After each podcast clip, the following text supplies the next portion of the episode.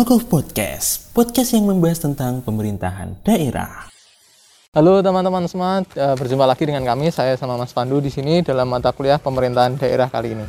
Oke, eh, pada materi kali ini kita kedatangan tamu spesial. Beliau adalah salah satu direktur di eh, sebuah riset di Indonesia, yaitu Sentara Institute. Beliau adalah Mas Halili.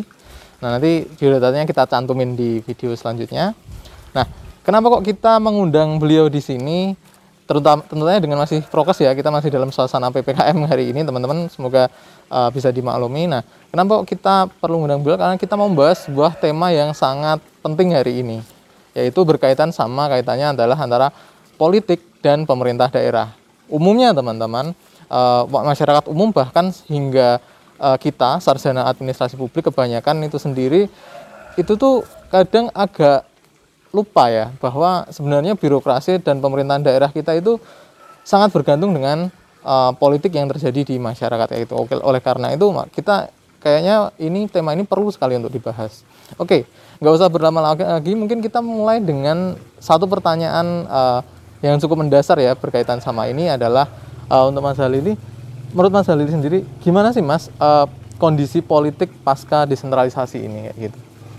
Oke, kalau mau menggunakan perspektif yang lebih umum ya, hmm. ada cara pandang melihat politik lokal yang yeah. sering disebut sebagai sebagai uh, apa teori pluralis ya. Uh.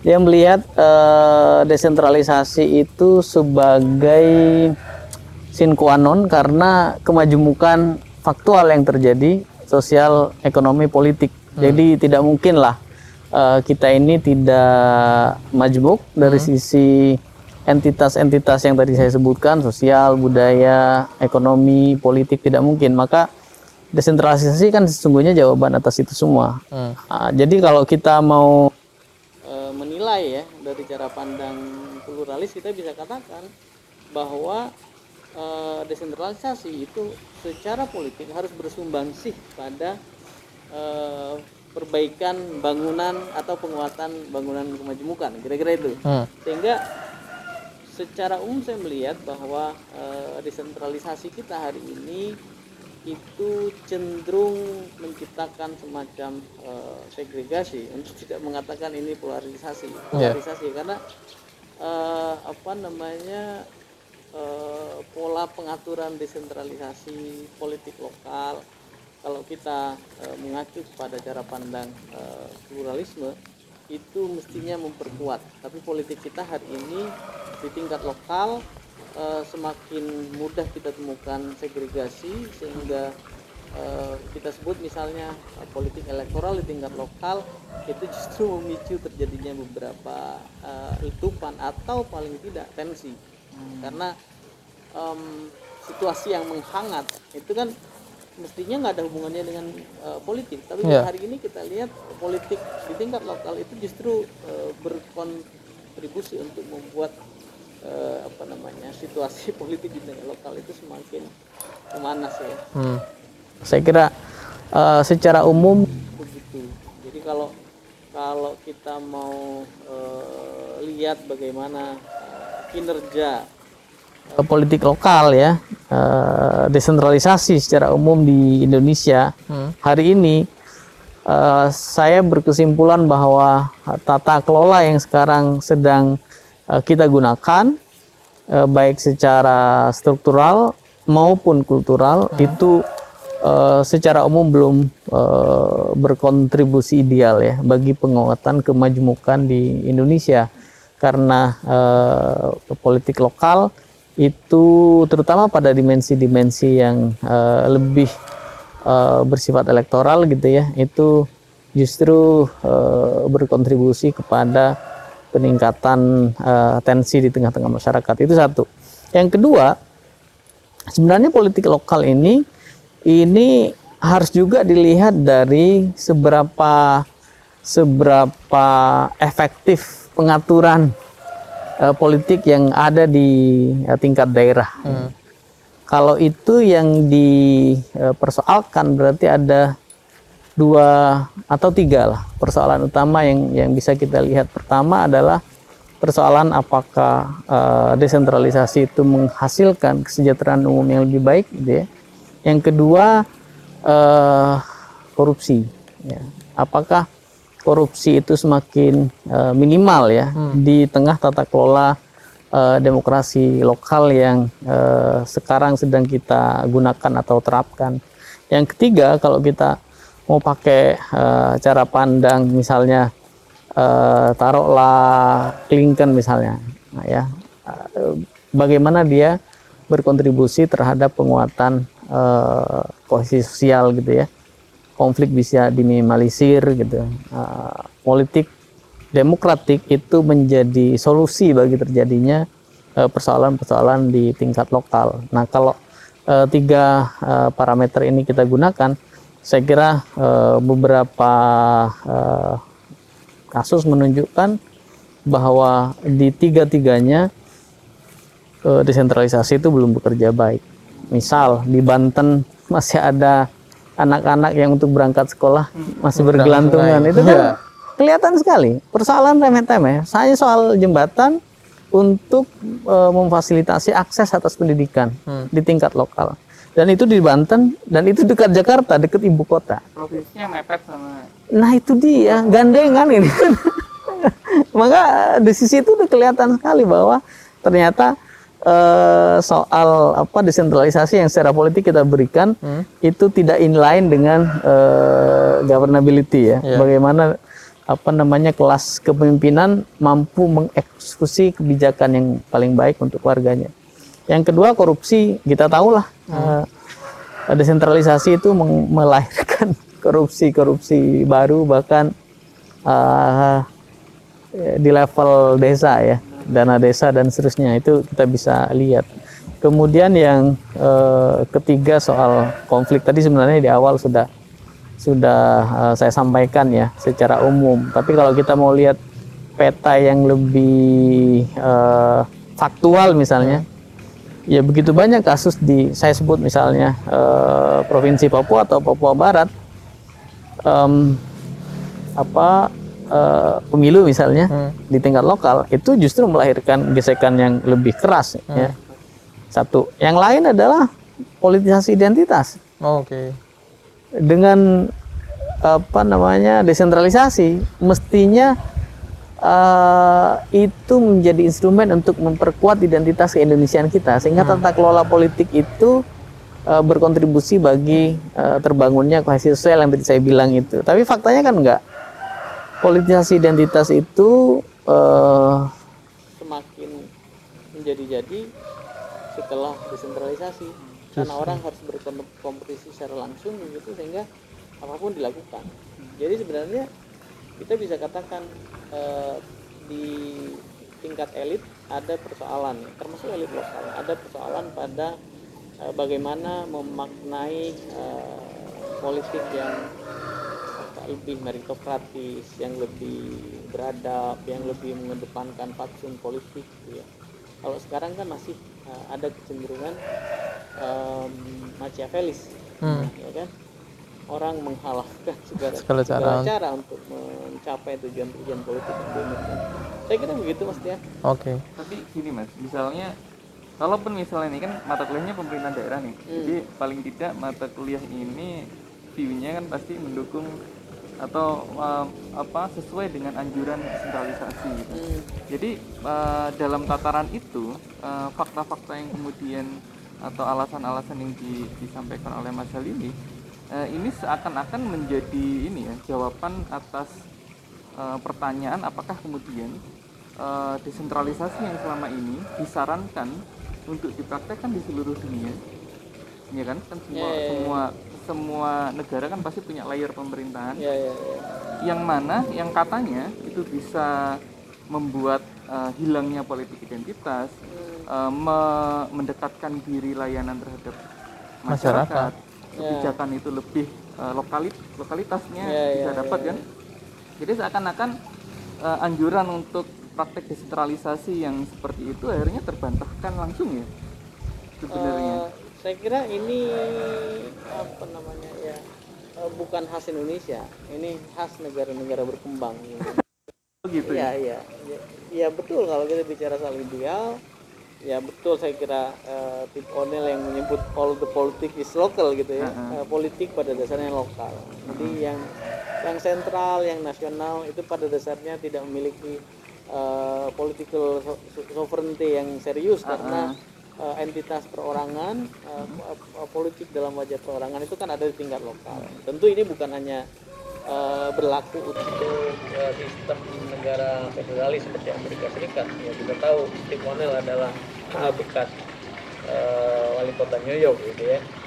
Uh, tapi itu saya kira uh, saya setuju bahwa yang uh, pada akhirnya sovereign dalam dalam politik itu adalah entitas-entitas di tingkat lokal baik uh, secara individual personal maupun dalam wajah political enclave gitu ya.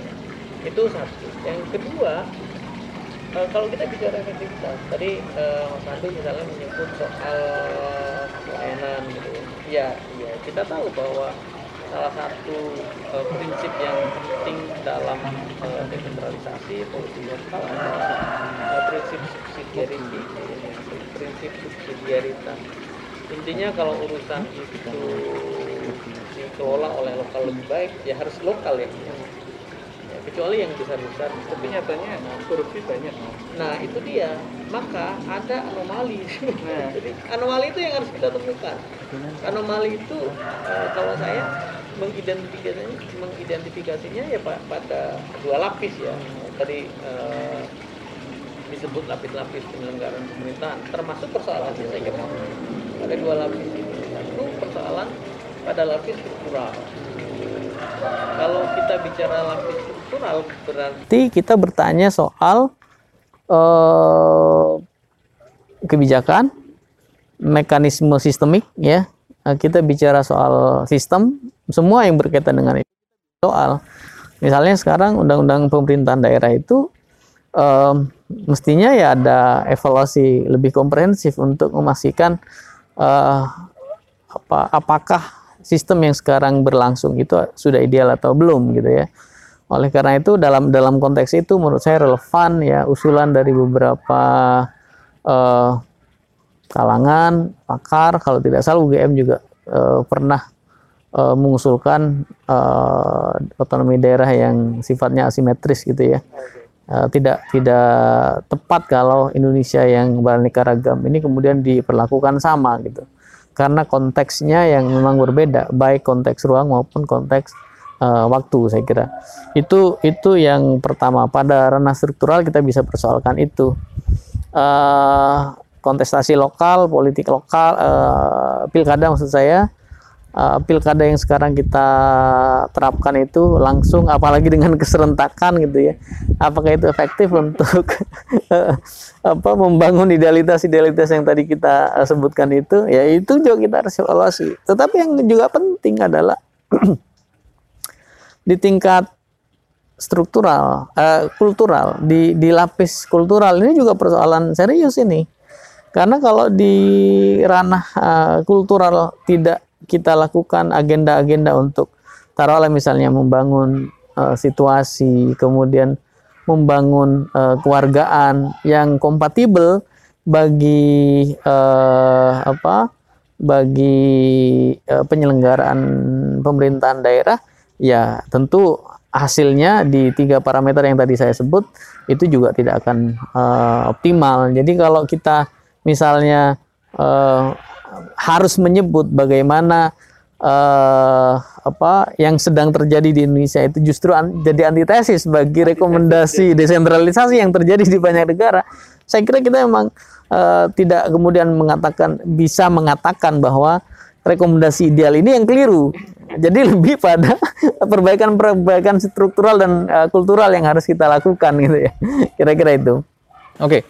Nah, tadi kan uh, hasil diskusinya kalau nggak salah desentralisasi kan bisa dibilang kayak resep dari barat lah ya mas kita bilang kayak gitu. Sedangkan kita di sini tuh memiliki tipe apa penyesuaian yang kayaknya agak berbeda kayak gitu. Sehingga mau nggak mau kan kita tuh harus menyesuaikan kayak gitu-gitu ya mas ya. Atau sebenarnya harusnya gimana sih mas tentang uh, kayaknya uh, apa ya konfigurasi yang lebih pas lah ya untuk di Indonesia ini daripada resep yang selama ini kita selalu dengar soal desentralisasi ini Ya, Kayaknya ya, gimana? ya, ya. Begini ya, eh, kan ada satu sisi yang barangkali selama ini kita lupakan bahwa eh, kita ini punya beberapa hal yang barangkali oleh oleh oleh Barat dianggap sebagai penyakit kultural, ya, patogen, cultural pathogenik ya, paling- seperti misalnya eh, paternalisme. Oke. Kan demokrasi nggak pernah membayangkan sistem yang pat- paternalistik. Nah, kan eh, oh, itulah kenapa eh, klientelisme itu sering dipersoalkan. Ya relasi patron klien itu kan tidak menunjukkan equal citizenship tuh kewargaan yang yang equal yang setara gitu. Nah padahal di Indonesia hal-hal yang begitu itu kayaknya ya, sulit memang kita ini kan eh, memang terlahir seperti itu paternalistik, Hmm. paternalistik karena eh, tentu sistem politik ya, quote Iya. unquote pada masa Nusantara itu juga ber- berpengaruh kan, monarki Hmm. yang melahirkan eh, patron-patron di, di di apa namanya di level entitas politik kedaerahan itu udah udah udah udah pastilah akan menyisakan begitu banyak persoalan. Hmm. Em, kalau kita lihat misalnya nggak usah membayangkan politik ya di aspek sosiokultural susah sekali mencegah orang tidak eh, untuk tidak membagi-bagi amplop Hmm. 20, 50 ribu, 100 ribu pada masa lebaran gitu kan. Oh, iya. Karena kan lebih enak bagi zakat langsung gitu. Iya. Tidak menyetorkannya ke Basnas gitu. Iya, iya, iya. Kenapa? Ya karena dengan cara itulah dia bisa jadi patron. Oke. Iya kan? Klien. Patron Kalau yang di- dibalikin ke Basnas, relasi patronage itu akan hilang Oke. dengan sendirinya. Dengan cara itu dia eh, ketika ada kerja bakti bisa petentang-petentang geser sana, geser sini gitu kan, dan semua orang kan manut. kayak Kan? Karena nggak ada yang berani sama dia kayak Iya, dia patron di sisi itu karena dia tiap tiap tahun tanpa disadari kita memang ya. memang Jadi sebenarnya apa yang kayaknya adem ayam di level pedesaan itu sebenarnya ya banyak relasi Iya, konflik iya, semacam gini. betul betul. Itu relasi kuasa itu sebenarnya ada Oh, oke. relasi Suatu kuasa. saat dia nyalon kepala desa nggak usah ngasih apa-apa dan Iya, iya itulah kenapa Hmm. eh, di banyak baliho-baliho kan di anu ya eh, pilkades ya Iya. itu yang muncul nama Hah? plus identitas sosial ekonomi kultural yang melekat pada dia selama ini. Oh. Taruhlah misalnya eh, tempat penyewaan peralatan pesta. Hah. Oh iya. Iya kan? Maka kemudian taruhlah saya tidak tidak nyebut satu ini tertentu ya. Ah. Saya hanya nyebut inisial misalnya WK misalnya. Oh iya. misalnya. Jadi pandu WK. Pan- Hanya karena eh, secara kultural Hmm. WK itu punya akseptabilitas tinggi. Itu bentuk eh, patronage yang yang yang barangkali harus di eh, tidak boleh tidak harus diakomodasi juga. Ini kan eh, pekerjaan panjang. Kita tentu nggak bisa berharap ini 13 tahun selesai gitu. Yep. Sejak 99 kita desentralisasi, Hmm. lalu 11 tahun selesai. Jadi eh, apa eh, dua tiga periode pilkada seakan-akan semuanya akan selesai enggak nggak mungkin lah. Eh, maka pilihannya menurut saya yang paling eh, serius hari ini bagaimana mengakomodasi eh, apa namanya apa yang di dalam cara pandang Barat itu tidak normal mengakomodasi itu dalam kelembagaan sistem kita. Karena kalau tidak akan terlalu banyak eh, deviasi gitu. Oh, idealnya iya, iya. begini kok faktualnya begini. Standar deviasinya terlalu iya betul. Iya betul. Karena kita nggak bisa mengakomodasi itu. Hmm. Memang mas ada mas apa eh, kalau kalau ini ya apa Mason Hotley itu yang nulis apa mungkin teman-teman bisa nyari juga ya eh, nulis tentang poverty administrasi negara di Indonesia antara kultur lokal dan struktur barat. Tapi memang mereka menyoroti dari sisi eh, apa kayak suprastruktur monarki gitu. Jadi tanpa disadari hal-hal yang sepele yang cerita Mas Halili tadi eh, berlaku di pedesaan ya, yang Mas Adian ya, di pedesaan yang kemudian kita sendiri pelakunya hmm, eh, itu ada di sekitar kita, itu justru malah justru menyuburkan tadi patronasi Ya, ya. yang dianggap oleh eh, struktur Barat itu ini tidak nggak benar nih. ya tidak kompatibel ya dengan demokrasi lokal. dengan demokrasi demokrasi lokal. Padahal ini sebenarnya juga saya nggak tahu itu kita perlu ngapain tuh untuk untuk untuk itu kita harus tetap mengakomodirnya atau perlu kita menghapusnya atau gimana tuh Ya, sebenarnya? kita memang harus eh, beradaptasi dengan situasi itu. Kan sistem yang dari misalnya eh, demokrasi lokal dengan pemilu liberal tadi Hmm. one man one vote misalnya itu yang harus beradaptasi dengan sistem patronasi tadi eh, poin saya eh, sistem yang akan kita adopsi Ya. memang harus kompatibel dari sisi nilai. Hmm. Maka kalau nilainya masih begitu, eh, kita eh, adopsi sistem yang lebih kompatibel. Misal, eh, pilkada di tingkat lokal tetap bisa dilaksanakan, tapi dia bisa asimetris. Satu, dia bisa berjenjang. Hmm. Itu kan bisa begitu. Jadi misalnya di tingkat kabupaten kota itu bisa langsung, gitu kan? Kemudian provinsi itu eh, bisa dengan penunjukan karena dia kan sebenarnya dekonsentrasi, toh. Iya. Tapi dengan cara seperti ini sekarang ya kita akan punya 400-an 50-an raja-raja kecil gitu karena semuanya tidak dengan tidak mempertimbangkan itu semua. Oke. Eh, kemudian kita terapkan satu sistem yang sama gitu kan. Kalau satu sistem yang sama diterapkan untuk semua di Indonesia ini ya jelaslah akan eh, akan terbangun raja-raja kecil itu terutama di daerah-daerah yang derajat eh, feodalnya itu sangat tinggi. Oke, Ah, ki- kayak tadi Mas Lili membahas ada suatu hal yang menarik sih ya tentang eh, relasi patron kain yang sebenarnya kita nggak kelihatan lah ya di masyarakat. Sebenarnya kita mungkin sehari-hari melakukannya atau kita sering mengetahuinya ketika Lebaran tadi kayak misal contohnya salam tempel, tapi itu kayak ada di sekitar kita dan kita kadang nggak menyadari bahwa itu juga relasi kuasa. Nah, memupuk ya memupuk. nah, mungkin ada satu hal yang menarik sih sebenarnya berkaitan antara ada pemerintah daerah, patron kain dan uh, masalah politik yaitu yang muncul fenomena di akhir-akhir ini mungkin uh, tahun kemarin waktu pilkada teman-teman mengetahui ada banyak kerabat-kerabat pejabat yang mengajukan diri untuk menjadi uh, calon kepala daerah lah ya. Ya, teman-teman tahu sendiri ada banyak. Nah, Iya. nah menurut Mas Dalil gimana Mas ini dengan uh, fenomena kayak itu? Itu kan juga salah satu mungkin bisa jadi salah satu bentuk patron juga ya kayak gitu. Iya ya, eh, tergantung cara melihat ya. Nah. Eh, selama ini yang sering dijadikan pembenar oleh para pelaku itu, Iya. oleh para aktor itu adalah ini tidak melanggar hukum. Oh. Jadi kalau itu yang yang yang kemudian menjadi landasan ya, berarti ada ada celah pada eh, konstruksi sistemik eh, pilkada Kita. di tingkat lokal gitu ya, yang kemudian em, dimanfaatkan oleh eh, elit-elit yang tadi Machiavellis ya. Hmm. It- itu itu satu saya kira kalau cara pandangnya adalah cara pandang hukum tetapi kan em, kontestasi politik itu tidak melulu soal eh, apa logika hukum. Ini soal etika juga. Hmm. Eh, kalau kita kembali ke eh, buku atau doktrin-doktrin ideal tentang eh, politik saya kira kita eh, mengenal apa yang disebut sebagai fatsun politik.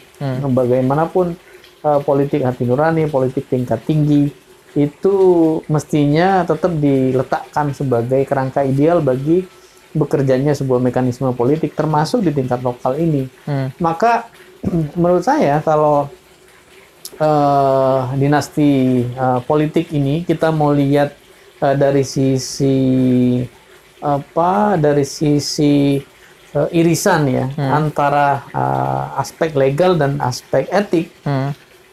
pilihannya yang paling eh, masuk akal adalah melihat bagaimana daya rusak ini bagi Oh, iya. tatanan politik kan itu Ya, ha. Kita nggak berdebat soal apakah ini diperbolehkan atau tidak Hmm. bukan itu beretika atau tidak gitu bukan bukan beretika atau tidak Seberapa bagaimana rusak? ini berdaya rusak bagi sistem yang sedang kita eh, pilih Hmm.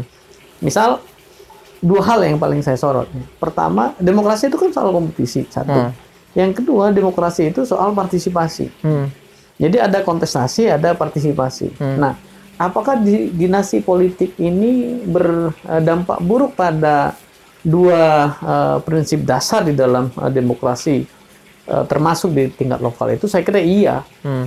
karena dengan eh, dinasti politik dia bisa apa namanya ya, paling tidak memiliki privilege ya. Padahal kan eh, di dalam demokrasi itu terutama demokrasi liberal ya, Ya. ya harusnya semua entitas politik itu eh, equal. Yep.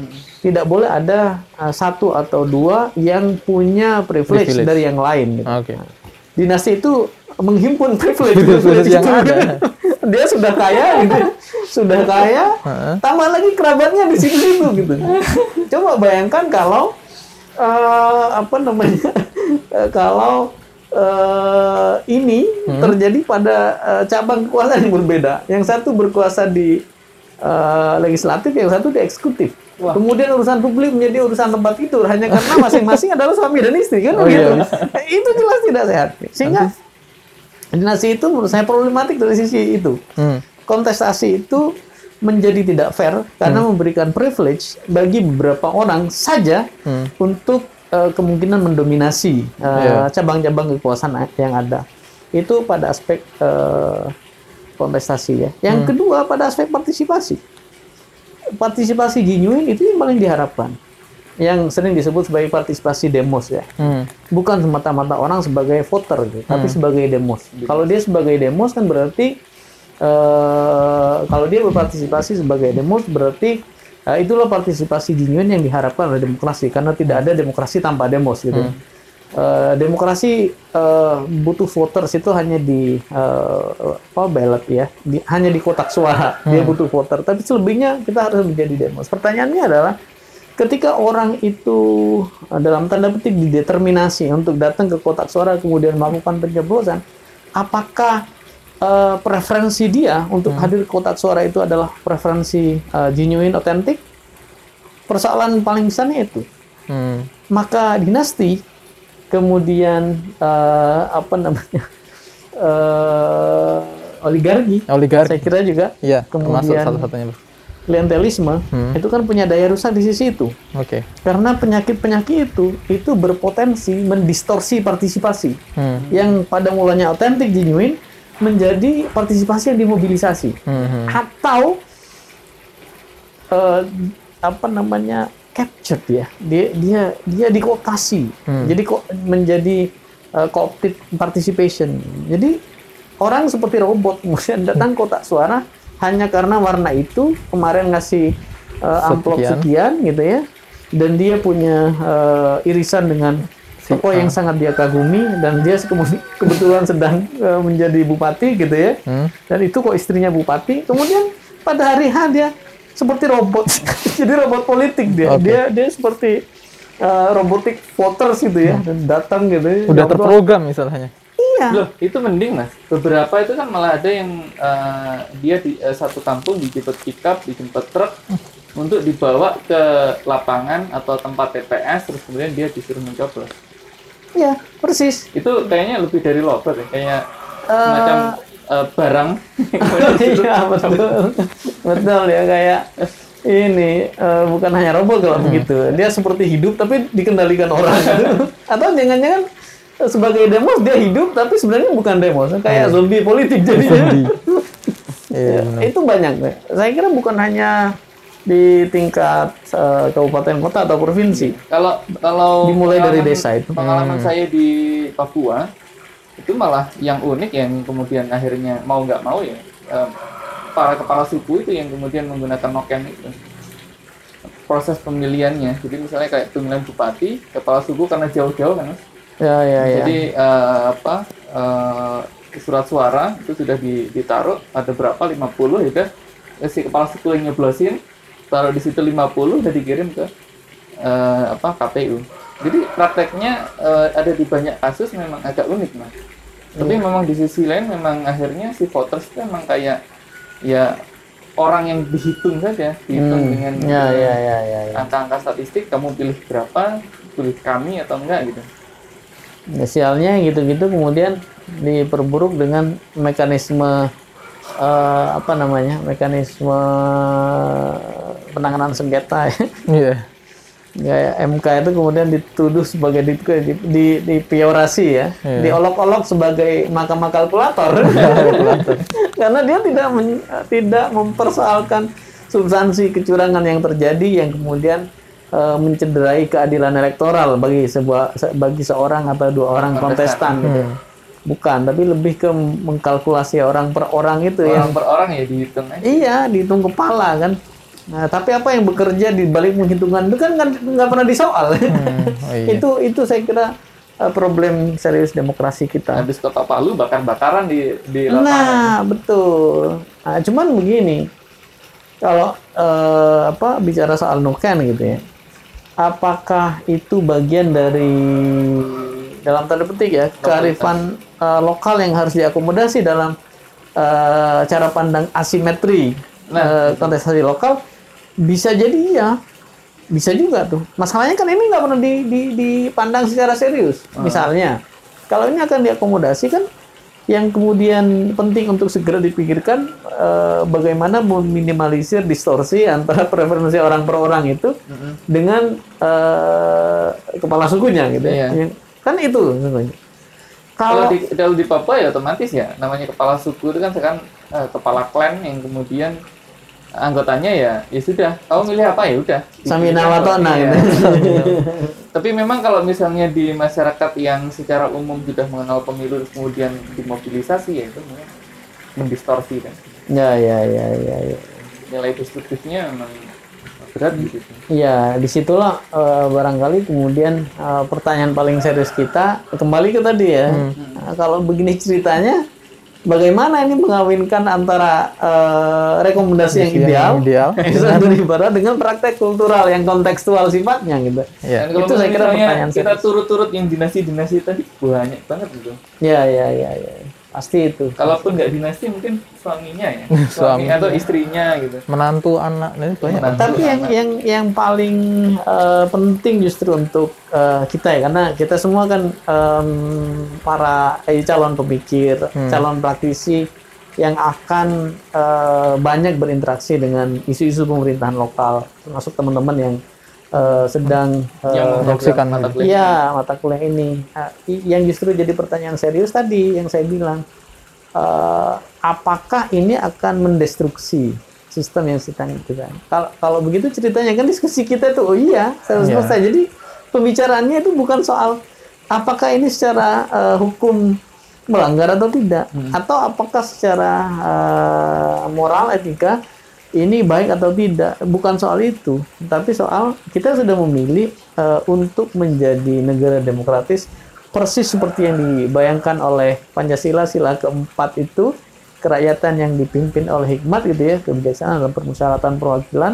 Nah pertanyaan seriusnya adalah apakah eh, semua semua yang tadi semua semua yang kita soal itu itu eh, destruktif pada itu semua? Saya kira iya. Sehingga eh, harus dicari dicarikan jalan keluar yang lebih presisi, yang lebih tepat, yang eh, bisa apa namanya, bisa memoderasi lah, Oke. memoderasi eh, demokrasi yang eh, terlalu liberal, ya, atau em, bayangan demokrasi liberal tentang ideal-ideal eh, tata politik di tingkat lokal dengan praktek-praktek kultur- kultural. Jadi praktek-praktek kultural itu ya suatu yang tidak mungkin kita bisa hilangkan dalam 2, 3, 4 eh, pemilu kepala daerah. Tidak mungkin. Sehingga Atau generasi yang hitungannya. hitungannya jangan-jangan generasi. Agak sulit tuh. Kayak bapak saya itu. Kalau diomongin soal eh, apa preferensi secara logis sebagai warga itu nggak masuk tuh nggak masuk di nggak ranah masuk masyarakat. karena yang karena yang dia ikuti itu warnanya kuning ke mana-mana kuning pokoknya. siapa pun calonnya gitu Ya, kayaknya sama nih. nah itu dia Bapak saya itu apa pun pemilunya, siapa pun pilihan presidennya, yang penting warna kuning. yang nah itu terjadi di banyak konteks saya kira Iya. Oke, nah, Mas Lili tadi kan udah membahas ya, eh, kita lah juga di sini juga membahas tentang tadi banyaknya hal-hal yang menarik yang ada di sekitar kita ya tentang ada patron klien, ada eh, oligarki dan lain sebagainya. Yang artinya itu kayak semacam apa ya? Bisa dibilang ya problema ya, problema yang ada di pelaksanaan eh, pemerintahan daerah hari ini dan lain sebagainya. Nah, oke dan itu kembali lagi ke tadi pertanyaan awal tadi tentang lalu ada resep ideal dari barat dan ada perbedaan kultural dari kita. Nah, ini kira-kira gimana ya, Mas? Apakah ada kayak semacam formula atau gagasan atau ide atau bayangan aja sih tentang bagaimana cara mengawinkan kedua ini supaya Ya, ya, ya, agak make sense lah untuk kita ya laksanakan? ya ya ya. Saya kira eh, asimetrisme itu pilihan yang yang paling masuk akal ya. Untuk eh, tata kelola politik Indonesia yang majemuk ini. Nggak mungkin lah kita eh, melakukan ho- homogenisasi ya atas seluruh eh, konteks itu. Kemudian kita membayangkan satu sistem ideal versi Jakarta, versi Barat atau versi apa untuk eh, berlaku bagi semua gitu. Nggak, nggak mungkin. Maka asimetrisme itu menjadi eh, pilihan saya kira em, asimetrisme baik eh, dari sisi desentralisasinya sendiri. Jadi otonomi daerah kita itu harus otonomi daerah yang asimetris. Hmm. Desentralisasinya itu harus asimetris. Baik dari sisi eh, anggaran gitu. Oke.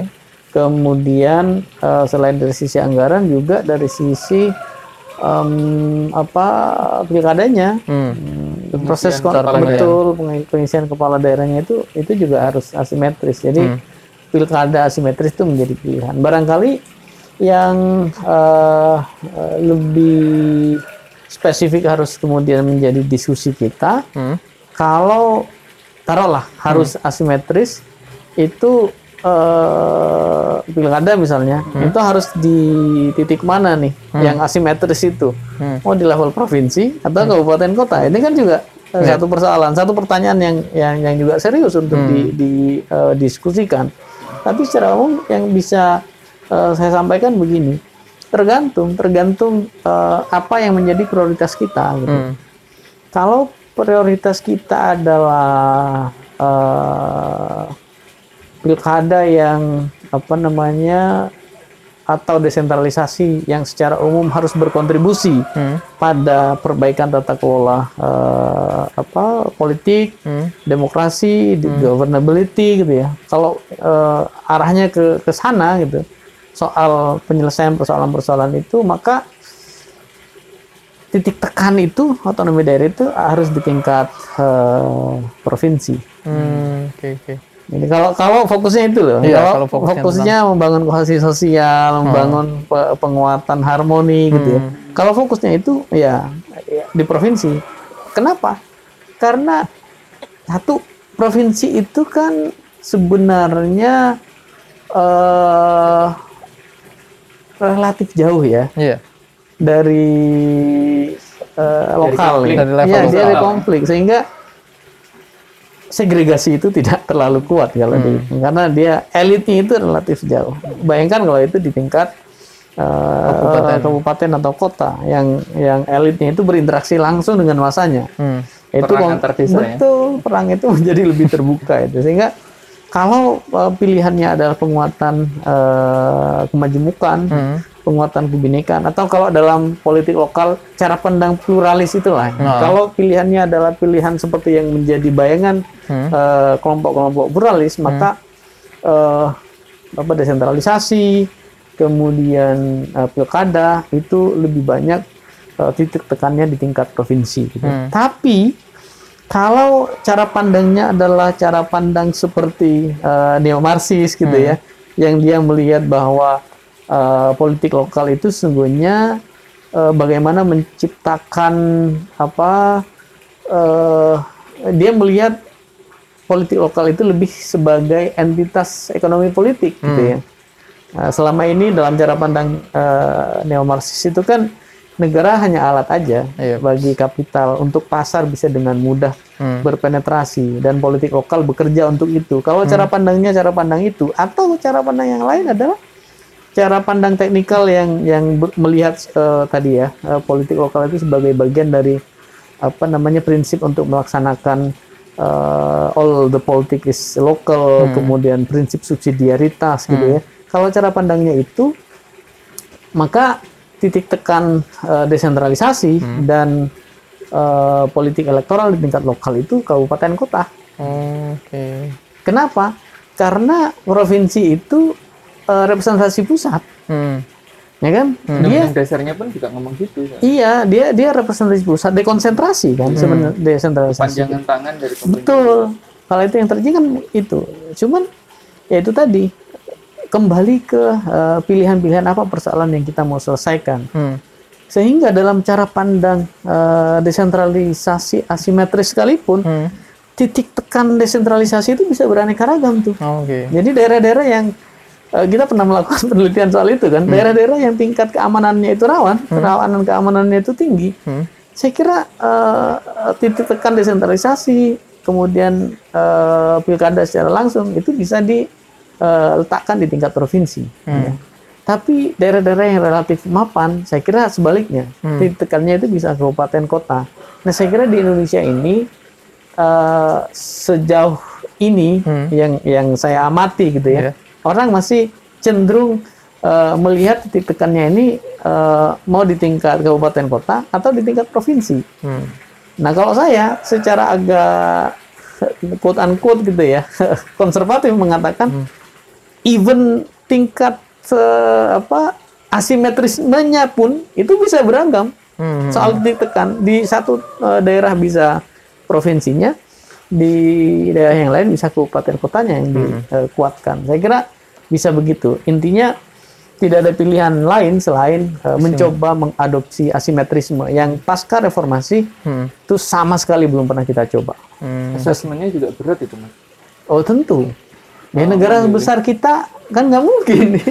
Bahkan misalnya kita bilang negara pa- apa daerah paling maju misalnya, IPM paling tinggi, eh, kesejahteraan paling tinggi, Jakarta. 2017 pilkadanya bisa bikin orang nggak tidur berbulan-bulan itu. ya sampai sekarang bahkan residu pilkada itu masih tersisa gitu. nggak boleh dimakamin di mana Nah, saya kira itu yang harus di ini harus Jadi untuk, untuk menilai maju nggak maju atau misalnya kita eh, cara paling pa- gampang kan IPM. Berarti kan kesehatannya bagus, pendidikannya bagus, pekerjaannya bagus itu kan IPM. Ya ya ya. misalnya dari PM Jakarta tapi pada saat kemudian pilkada itu terjadi di di pilkada walaupun ya kita ngomong Jakarta kan sekarang menjadi epicentrum eh, para elit ya untuk mencek Hmm. apakah dia eh, elektabilitasnya sejauh mana gitu. Tapi eh, kalau misalnya kita agak kesampingkan itu eh, kasus di pilkada atau di kota-kota itu justru juga eh, apa punya banyak masalah-masalah keamanan tadi terus kemudian eh, dinasti juga muncul gitu jadi Ya, ya. pada saat kemudian asimetri itu eh, kita dorong proses assessmentnya untuk menentukan yang ini harus dipilih DPR, yang ini malah nggak usah pilkada misalnya. Kemudian yang ini eh, pilkada apa eh, seperti ini apa liberal gitu, women ban vote gitu. Nah prosesnya itu kan berat sekali mas untuk mencapai sana. Eh, tapi sudah ada upaya baik sebenarnya. Yang eh, sayangnya follow up eh, Dari dari apa namanya upaya, upaya saintifik untuk menetapkan parameter yang lebih objektif itu follow up-nya itu menurut saya belum mengembirakan. Satu yang mau saya sebut adalah Bawaslu kerja sendirian ya. Saya, saya sebut Bawaslu kerja sendirian itu bisa kok menghasilkan indeks kerawanan pemilu, Oh, oke ya kan? iya iya bisa Ya bisa menghasilkan cukup. indeks kerawanan pilkada dan itu dipakai untuk misalnya eh, kepolisian lalu eh, melakukan suatu sesuatu untuk merespons eh, indeks ini. Hmm. Jadi eh, Bawaslu yang sendirian saya bisa kok mengembangkan itu. Artinya kelembagaan pemilu kita sebenarnya punya kapasitas yang lebih dari cukup karena mereka negara tuh. Eh, jangankan mengembangkan eh, parameter itu, membuat parameter baru mereka bisa karena mereka punya uang. Kalau kita masih berpikir ya soal eh, gimana nih visibilitas, oke asimetri ya, tapi visibilitas kemungkinan dia untuk bisa dilaksanakan itu seperti apa itu pertanyaan bagi kita. Tapi bagi negara itu sesuatu yang yang yang mudah saja. Saya kasih eh, ilustrasi tadi ya. Kalau Bawaslu mengembangkan indeks kerawanan pemilu satu lembaga aja bisa, apalagi kolaborasi seluruh kelembagaan pemilu untuk menetapkan indikator-indikator dengan bantuan eh, kampus saya kira mengembangkan parameter yang presisi untuk menetapkan bagaimana asimetri itu kemudian bekerja dalam eh, desain politik elektoral kita saya kira kita lebih dari eh, cukup lah untuk mampu melaksanakan itu semua Menarik tuh mas. Eh, apa kita bicara asimetri ya karena Hmm. daerahnya kita juga luas. Tapi dan kita juga kayak Jogja eh, teman-teman ya karena ini juga Universitas Negeri Yogyakarta walaupun teman-teman ngambilnya ini dari berbagai seluruh eh, penjuru ya di Indonesia ini mata kuliahnya eh, MBKM mas jadi Oh, bisa diambil oleh mahasiswa dari mana-mana Hmm. kalau di Jogja kita memang benar-benar ngerasain nggak pernah memilih gubernur ya. Iya, iya. iya. Tapi Dan ya asing memang- loh ternyata. ternyata kita masih hidup gitu. Iya, betul. Ternyata eh, ada manfaatnya gitu. Paling nggak ya walaupun beberapa orang malah wah saya nggak ada kerjaan nih yang lain tetangga saya di eh, apa Magelang sana ada kerjaan mencari KTP orang-orang Dan mencari. Iya. dan mencari target untuk serangan fajar gitu. Kalau di Jogja nggak pernah ini kita iya, pilihan iya, iya. pilihan gubernur orang Jogja nggak pernah punya pengalaman. Ya, ya, ya. Saya ingat dulu pernah nulis tahun 2004.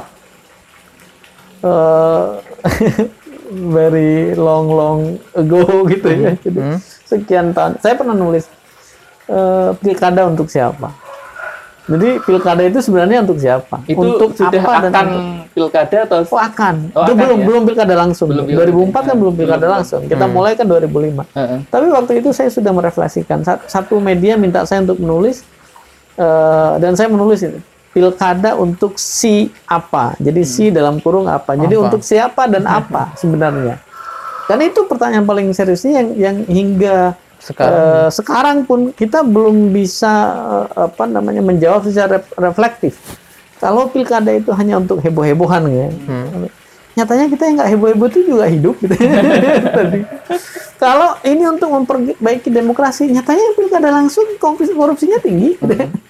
Di Banten itu nggak usah pilkada yang kepilih itu itu terus. Ya iya betul. Betul. Ngapain buang-buang uang pilkada? Betul, betul. Oh, Jadi kita buang sumber daya banyak gitu. Jadi pertanyaannya itu untuk siapa dan untuk apa. Nah kalau kalau eh, itu yang kemudian kita refleksikan menjadi eh, lebih mudah sebenarnya untuk menentukan bagaimana asimetri itu bisa bekerja. Karena di tiap konteks politik di tingkat lokal itu ada persoalan yang beraneka ragam yang tentu tidak sama satu sama lain di Jawa barangkali atau secara umum eh, ya Jawa atau Sumatera bagian selatan yang secara kultural juga eh, berdekatan dengan kita, kita bisa pikirkan eh, satu sistem yang similar ya. Mungkin 70% sama. Perbedaan itu kecil-kecil saja. Tetapi mempersamakan daerah-daerah yang tadi saya sebut itu dengan misalnya di luar Jawa yang timur banget sana itu itu eh, sesuatu yang yang eh, bukan saja eh, apa namanya bukan saja tidak akan efektif tapi ya sesat pikir. Mana mungkin eh, nilai yang berbeda kemudian di eh, apa adopsi sistem yang sama untuk diperlakukan semua. Kecuali kita mengatakan bahwa cara pandang ini adalah cara pandang sentralistik untuk melihat eh, yang lokal itu. Ini cara Jakarta untuk memberikan sesuatu bagi daerah-daerah gitu ya. itu kan eh, mirip dengan misalnya otsus-otsus itu. Itu kan seakan-akan asimetri. Tapi kan itu semua cara pandang Jakarta. Lagi. nah itu itu diskusi lain. Nggak tentu nggak saat nggak sekarang tuh. Eh, iya, masalahnya juga kita punya pengalaman asimetri di DIY dan juga eh, daerah otonom kayak DIY Papua Jakarta Aceh. Aceh empat kita ya Nyatanya kinerjanya juga nggak nah makanya gitu. Nah, soal otsus itu menarik itu. Kan kita punya empat yang sebenarnya ya dari sisi eh, ya desain politik elektoral ya di tingkat daerah itu sebenarnya sudah asimetris ya. Eh, Aceh, Jakarta, Jogja, sama Papua ya. Lima. Eh, Papua, Barat. Setelah pemekaran jadinya Papua dan Papua Barat. ya. Papua dan Papua Barat ya. Jadi lima kalau eh, hitungannya adalah provinsi. Itu sebenarnya sudah asimetris. Tapi dari praktek asimetri yang eh, diberikan oleh sistem eh, politik elektoral di tingkat lokal kita kepada mereka itu semakin kelihatan bahwa yang asimetris sekalipun asi- asimetrinya itu di level apa gitu. Kalau asimetri yang dimaksud adalah hanya memberikan misalnya eh, konsekuensi finansial yang lebih dibandingkan yang lain-lain, itu juga tidak produktif. Hmm. Eh, Papua dikasih eh, gelontoran duit sebanyak itu, ya, ya dengan eh, apa mekanisme kontrol yang minim, ya jelas lah korupsi.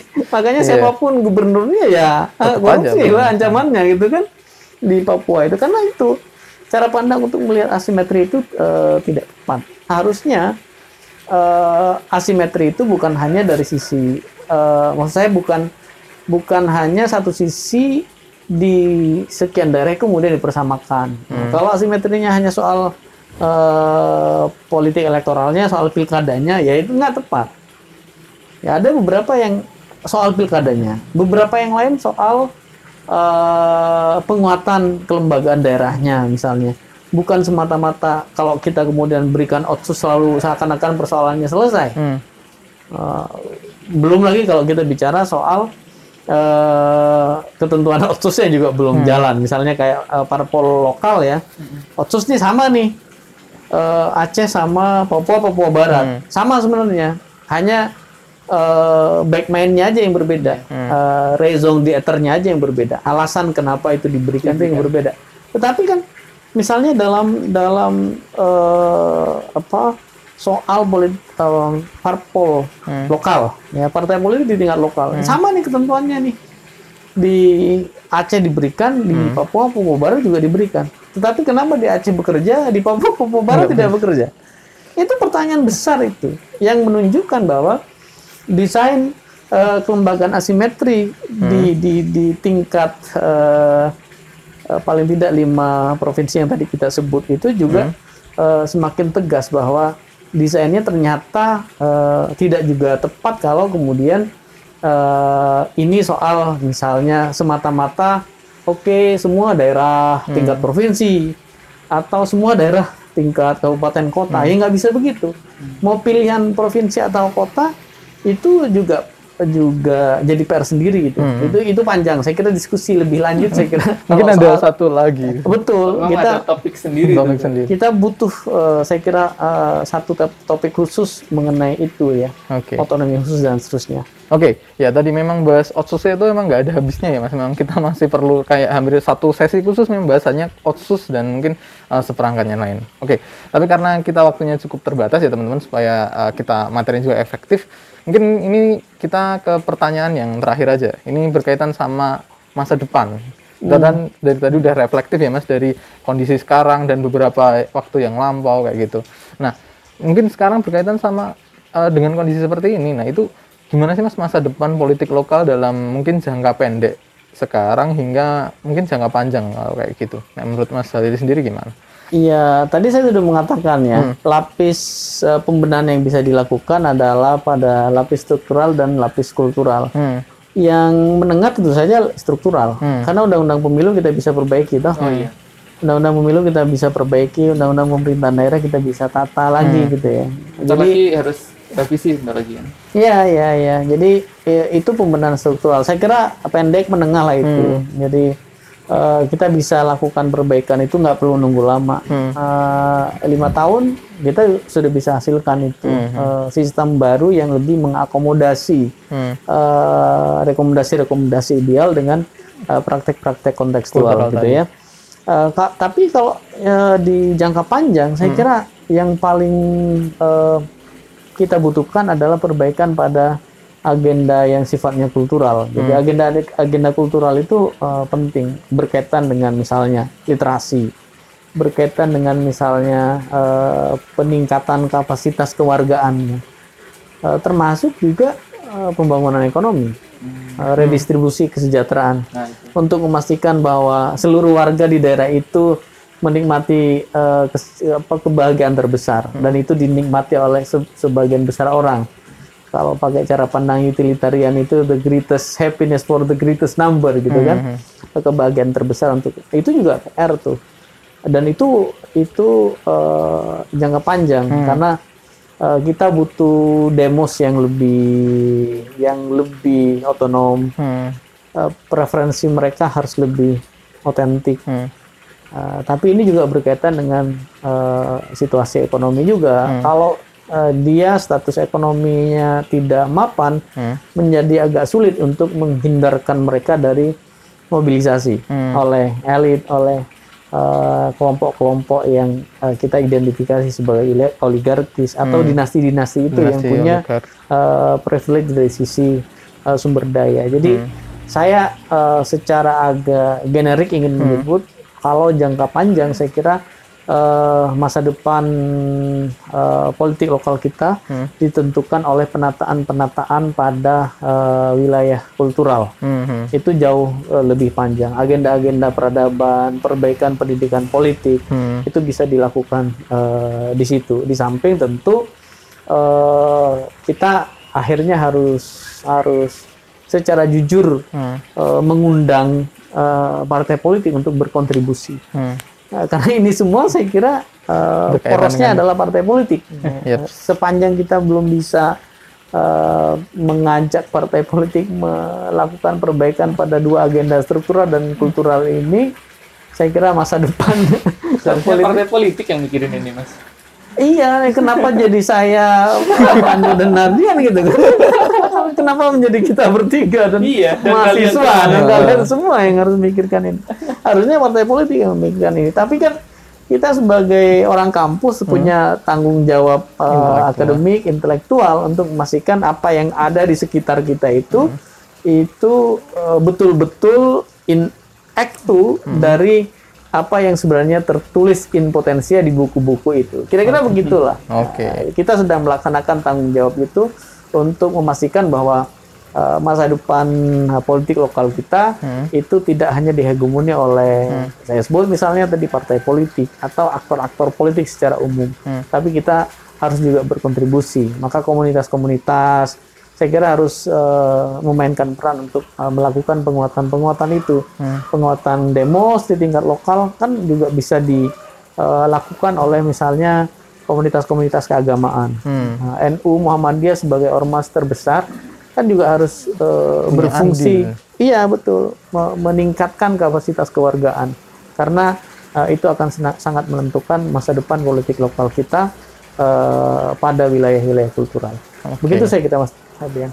Oke, nah itu ya teman-teman uh, diskusi panjang kita di sore hari yang banyak banget ya menyenangkan ini tadi. Oh. kita dapat apa eh, ide segar gitu Enggak, kita kayak membicarakan dari dulu sampai sekarang ya, tentang bagaimana praktek yang paling mendetail bahkan sampai di level pedesaan tadi tentang Nah, iya, jangan sampai lupa soal patron kan ya mas. Sampai bangunan besar tentang ya tadi kita harus butuh uh, sistem yang lebih baik dan Orang bagi amplop eh, amplop aja itu Nah, part dengan- of political patronage ya. nah, jangan sampai apa loh negara itu kita pikirin Oke, itu ya teman-teman untuk materi kali ini. Eh, semoga apa yang kita diskusikan bisa teman-teman pahami dan jangan eh, segan-segan untuk memberikan pertanyaan bila teman-teman kurang paham dan juga misalkan teman-teman ada argumen lain silahkan juga disampaikan supaya kita nanti bisa diskusikan lebih lanjut.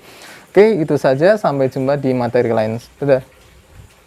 Terima kasih. Mbak Nur. Sukses semua.